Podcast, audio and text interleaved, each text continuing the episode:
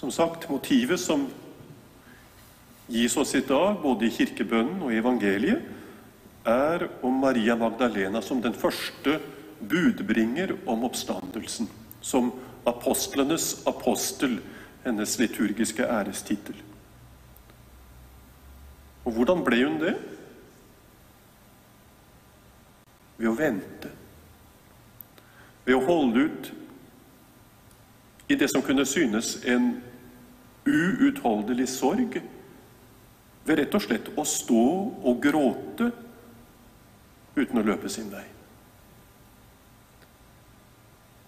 Ofte så kan vi møte erfaringen av at Gud ikke er der hvor vi leter etter ham. Ofte kan vi ha opplevelsen av at vår forestilling og vår forventning om hva Gud burde gjøre, hvor han burde være, er som en slags eklipse. Det er ikke annet enn mørke igjen. Og vi kan føle oss motløse og desperate og det vi stort sett gjør når vi er motløse og desperate, det er at vi begynner å svirre omkring og gjøre ting og ordne ting og distrahere oss selv. Og Vi kan gjøre det på et veldig åndelig nivå, men det vi risikerer, er at vi da bare sirkler om oss heller enn å orienteres mot Gud der han faktisk er. Så Marias eksempel er av en tidløs relevans.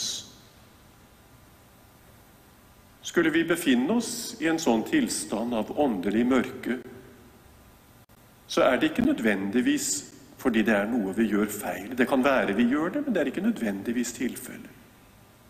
Og Noen ganger er det viktigste vi kan gjøre, rett og slett å gå inn i vårt eget hjerte og, og kjenne vår egen sorg og vår egen lengsel, og, og vente på at Gud møter oss der.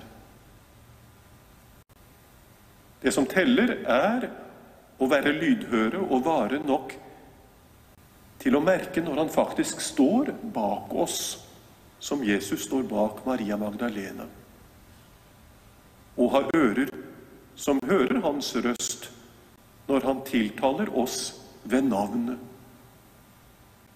Og derved minner oss om at den Gud som vi kanskje trodde hadde glemt oss, ikke kan det. For som det står i den mosaiske åpenbaring. Han bærer vårt navn, hvert vårt navn, som gravert på sin håndflate.